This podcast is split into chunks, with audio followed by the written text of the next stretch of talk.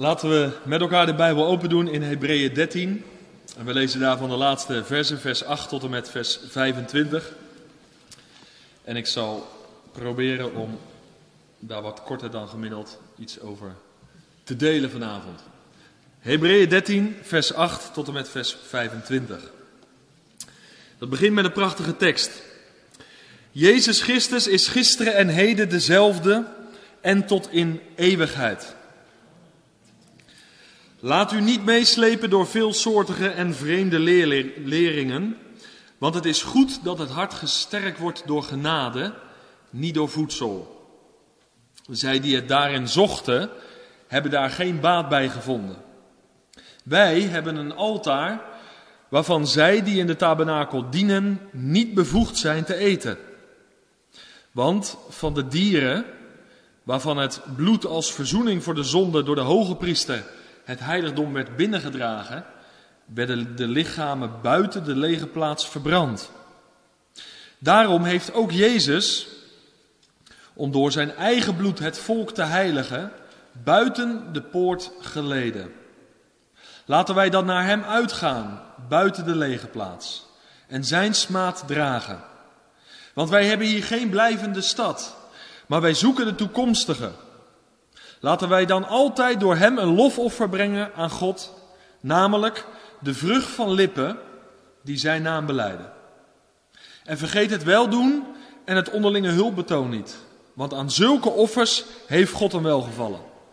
Gehoorzaam uw voorgangers en wees hun onderdanig, want zij waken over uw zielen, omdat zij rekenschap moeten afleggen, opdat zij dat mogen doen met vreugde omdat zij rekenschap moeten afleggen, opdat zij dat mogen doen met vreugde en niet al zuchtend. Dat heeft immers voor u geen nut. Bid voor ons. Want wij zijn ervan overtuigd dat wij een goed geweten hebben, omdat wij in alle dingen goed willen wandelen. En ik roep u er te meer toe op dit te doen, opdat ik des te eerder aan u zal worden teruggegeven. De God nu van de vrede, die de grote herder van de schapen onze Heere Jezus Christus uit de doden heeft teruggebracht op grond van het bloed van het eeuwige verbond, of het nieuwe verbond, mogen u toerusten tot elk goed werk, om Zijn wil te doen en in u werken wat in Zijn ogen welbehagelijk is, door Jezus Christus. Hem zij de heerlijkheid in alle eeuwigheid. Amen. Overigens roep ik u ertoe op, broeders, deze woorden van vermaning te verdragen. Ook al heb ik u slechts in het kort geschreven. U moet weten dat broeder Timotheus losgelaten is. Samen met hem zal ik u zien zodra hij komt. Groet al uw voorgangers en al de heiligen. De broeders uit Italië groeten u. De genade zij met u allen. Amen. De laatste versen van de Hebreeënbrief. Ik wil twee gedachten eigenlijk met jullie delen. De eerste is genade versterkt en de tweede genade doet leven. Het overkoepelende thema waar we deze 18 Bijbelstudies over hebben nagedacht was Christus overtreft alles en iedereen. Geweldig thema en ik hoop dat je dat ook ontdekt hebt tijdens de Bijbelstudies. En dat dat niet alleen een theorie voor je is, maar dat je hebt ervaren, het is echt zo in de praktijk van mijn leven. Ik ervaar het in mijn hart en in mijn denken.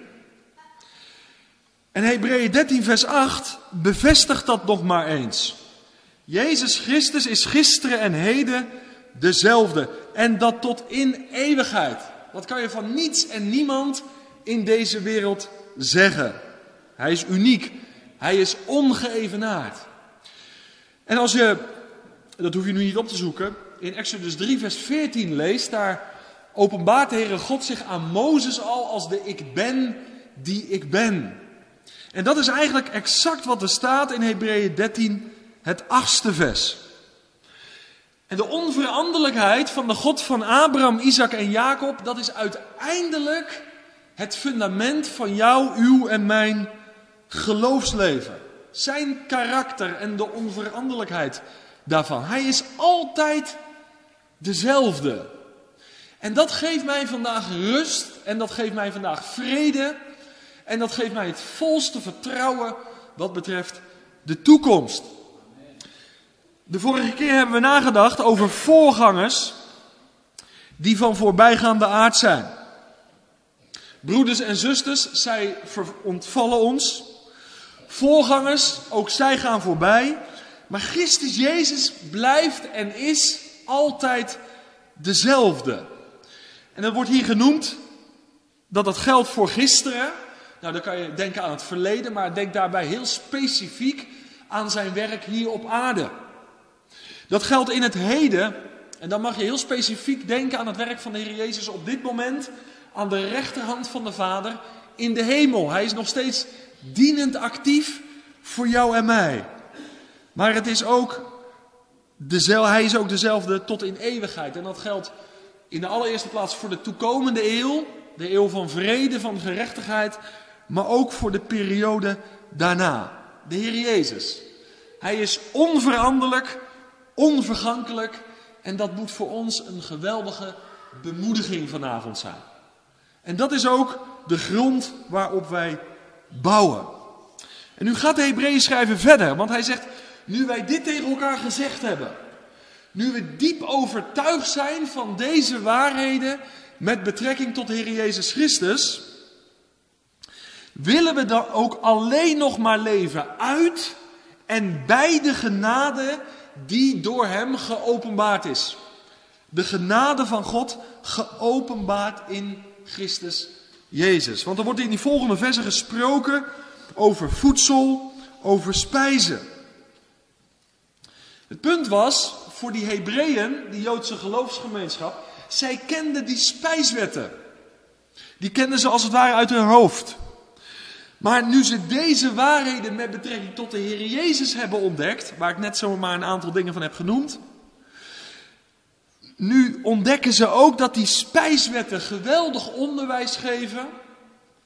En dat je die absoluut kan hanteren in je leven, maar dat ze uiteindelijk niet de echte vrede, niet de echte rust, de echte shalom brengen. Nee, die vrede en die echte rust, die de Hebreeën waren ingegaan, die zijn niet te verkrijgen door spijswetten of door andere wetten. Maar uiteindelijk alleen door de genade van God geopenbaard in Christus Jezus, zijn zoon. En dat is zo belangrijk. Ik las in de voorbereiding het volgende. Genade is geen extra pepmiddel. Genade is ook niet het laatste duwtje in de rug als het onszelf niet meer lukt. Nee, het is ons dagelijkse voedsel om geestelijk gezond te blijven.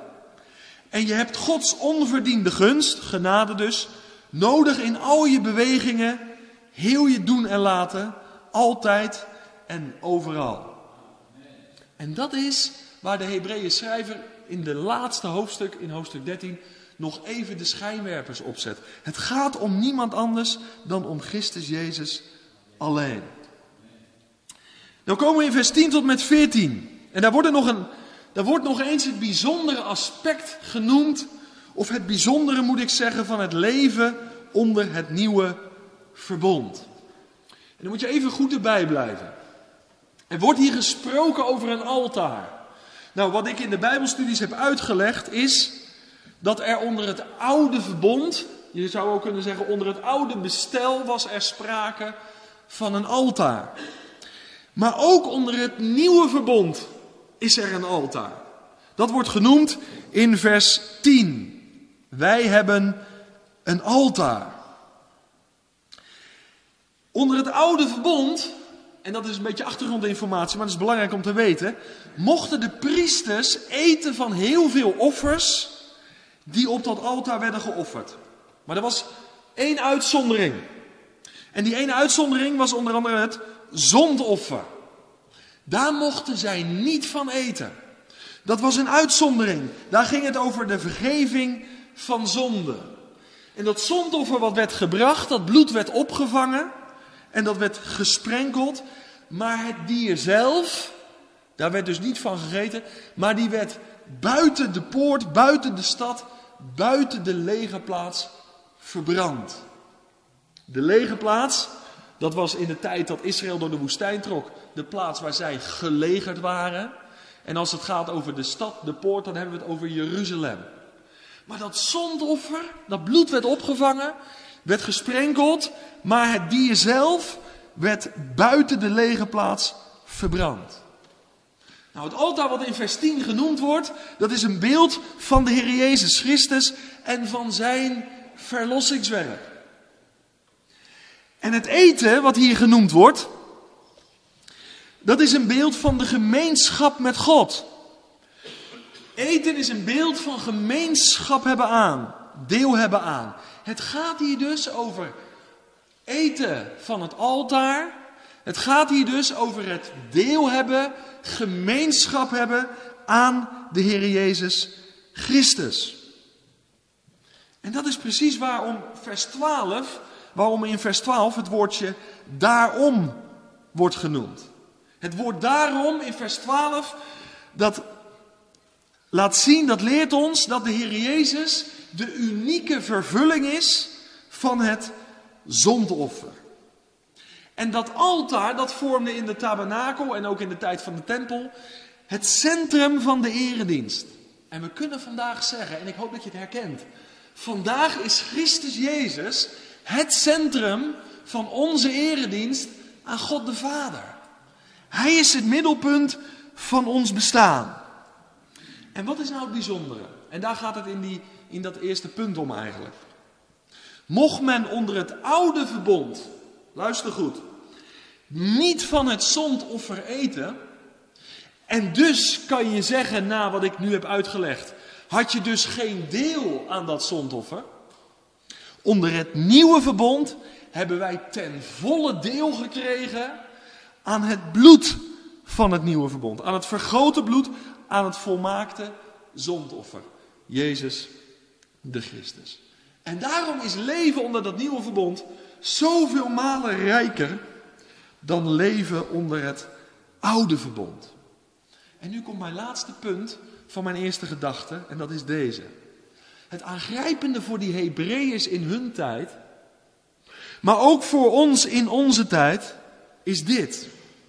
Als je er toch voor kiest om onder het oude verbond te leven, dan heb je geen deel aan Christus en dan heb je geen recht op het eten van het altaar. En dat is een aangrijpende waarheid. Waarom? Omdat God in de volheid van de tijd dat volmaakte zondoffer heeft geopenbaard. En omdat er een appel op ons hart gedaan wordt dat het volmaakte is gekomen in Christus Jezus. En dat wij deel hebben gekregen door het geloof aan het volmaakte. Daarom mogen wij niet terugvallen onder het oude verbond. En dat is waar de Hebreeën schrijver hier op aanstuurt. Het volmaakte is in Christus gekomen. En jij en ik, wij leven vandaag uit genade. De werkelijkheid is gekomen. En daarmee sluit de Hebreeën schrijver gedeelte af. Dan mijn tweede gedachte. En dan zitten we alweer bij vers 13. Dat leven onder het nieuwe verbond, dat is een geweldige zegen. Dat is een geweldig voorrecht. En ik hoop dat je de verschillen hebt ontdekt tijdens deze 18 Bijbelstudies. Maar de Bijbel is ook heel eerlijk. Dat leven onder het nieuwe verbond, uit dat volmaakte offer door de kracht van de Heilige Geest, heeft ook hele grote consequenties. Want wat zegt vers 13? Ik was iets te ver. Wat zegt vers 13? Daar staat: laten wij dan naar hem uitgaan en buiten de lege plaats zijn smaad gaan dragen. Dat is de consequentie van leven onder het nieuwe verbond. Dat, dat zondoffer dat werd verbrand buiten de lege plaats, maar dat gold ook voor de Heer Jezus Christus. Ik sprak zondag in een gemeente, daar hoorde ik een getuigenis, dat heeft veel indruk op me gemaakt, van een Joodse jongen. Die tot het geloven in de Messias was gekomen. En hij werd afgelopen zondag gedoopt. En dat heeft zoveel impact op die familie gemaakt in negatieve zin, dat ze hem nu uiteindelijk uit de familie hebben gezet. Ze willen geen contact meer met hem hebben. Dat is ook een aangrijpende keerzijde. Deze jongen was tot ontdekking van dat nieuwe verbond gekomen. En hij had gezien dat in de Heer Jezus de vervulling was gekomen. Het volmaakte, het betere was geopenbaard. En door geloof had hij de deel aangekregen. Maar de consequentie was wel dat hij met Christus buiten de stad, buiten de grote menigte, smaadheid moet gaan dragen en lijden moet gaan verdragen. Dus de grote zegening en de voorrecht van het nieuwe verbond kunnen ook hele grote consequenties hebben. Maar ik moest denken aan Psalm 73. Wie heb ik behalve u in de hemel? Naast u vind ik nergens vreugde in op aarde. Bezwijk mijn lichaam en mijn hart, dan is God de rots van mijn hart en voor eeuwig mijn deel. Dat is ook een consequentie van leven onder het nieuwe verbond. We gaan met Christus buiten de lege plaats. Smaadheid lijden. Vervolging verdragen. Maar ik moest denken aan David in de spelonk van Adullam. Die daar was met 300 man. De een had een schuldeiser. De ander was zeer bitter bedroefd. Ze waren in die spelonk met 300 mannen. En zij erkenden David als hun koning. David was reeds gezalfd. Alleen hij had aan publiek nog niet zijn troon bestegen. Saul was nog aan de leiding. Dit is wat hier gebeurt. Jij en ik, wij hebben de Heer Jezus aanvaard als onze Heer, als onze heiland. Hij is onze koning. Hij is aan publiek nog niet als koning aanvaard in deze wereld. Maar ik heb je al eerder in deze studies uitgelegd. Hij zal zich als koning der koningen en heren der heren gaan openbaren. Maar wij behoren tot die groep van 300. En hebben de Heer Jezus, de meerdere David, vandaag al erkend. En straks zal heel de wereld hem gaan erkennen. En elke knie zal gaan buigen en elke tong zal gaan beleiden. Jezus Christus, Hij is Heer.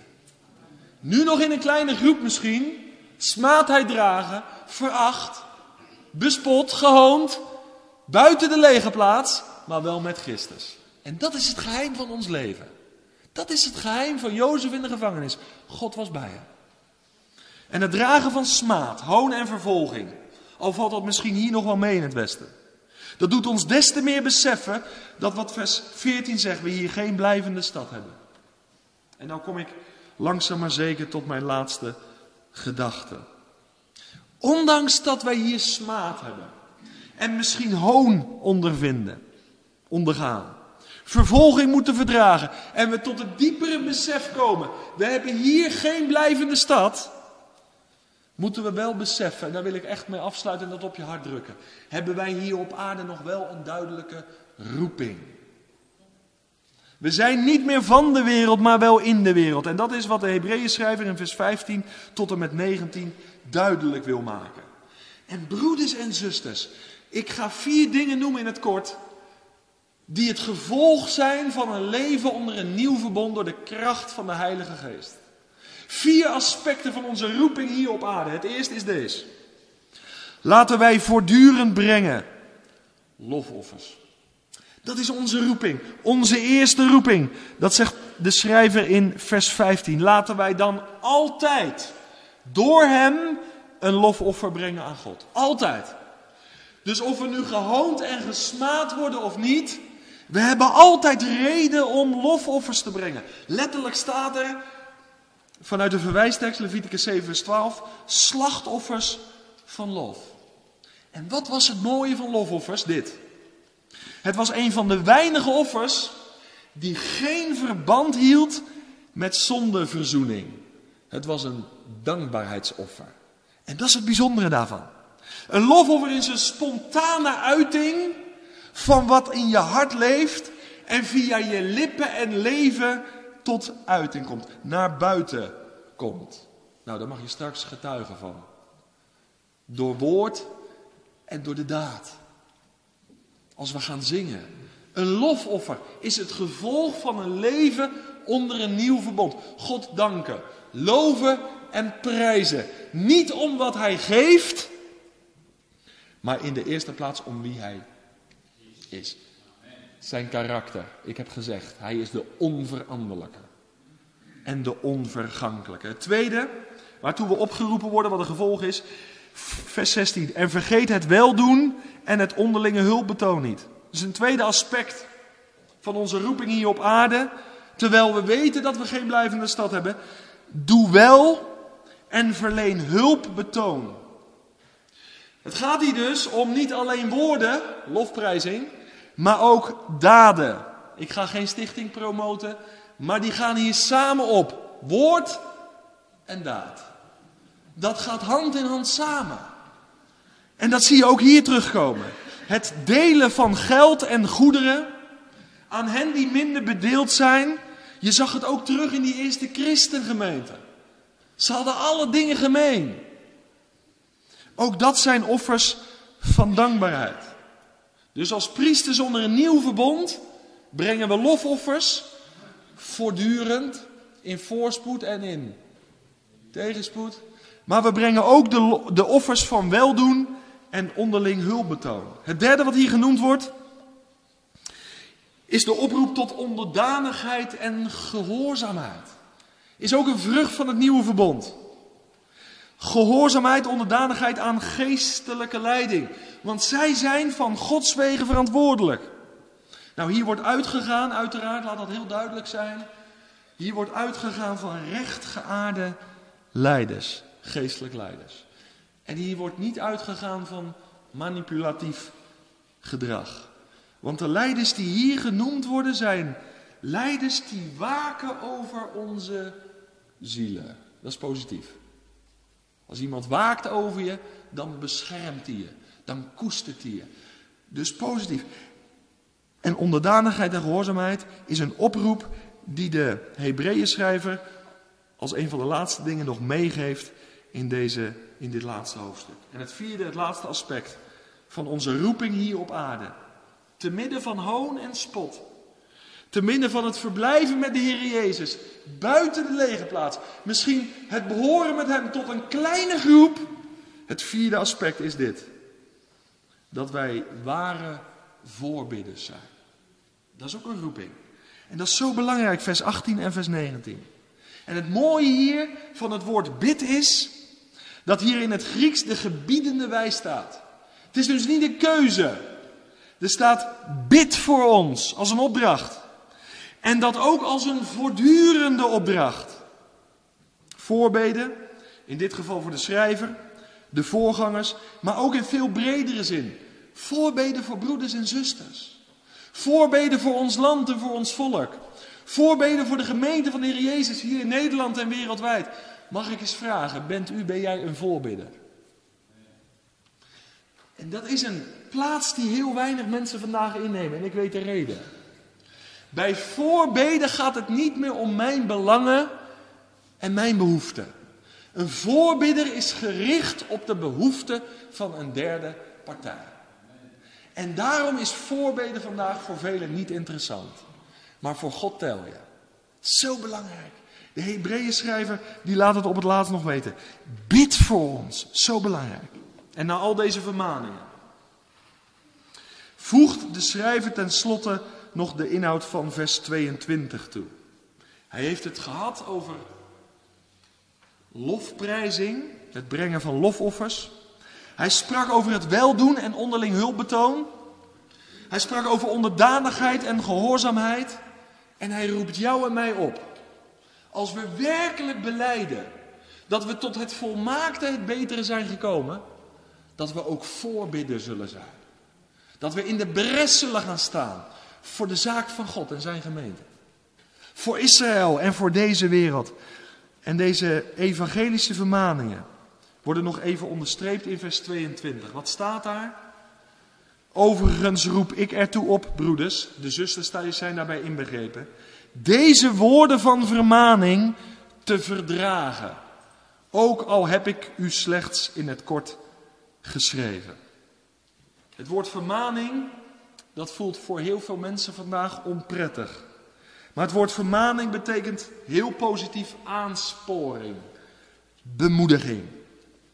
En het woord verdragen wil hier zeggen, neem deze vier vermaningen ter harte.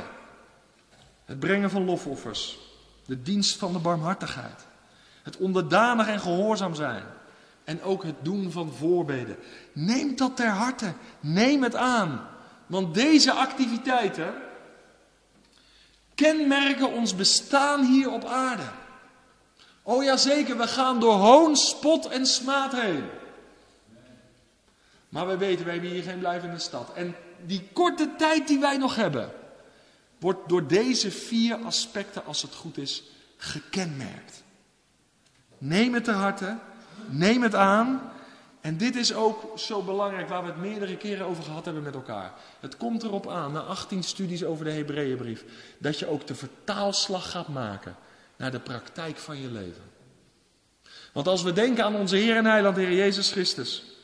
Hij heeft zijn, zijn hele leven, was een lofoffer voor zijn hemelse Vader. Als we denken aan de barmhartigheid die Hij bewezen heeft op deze aarde, dan verdient dat onze navolging. Wij die leven onder een nieuw verbond.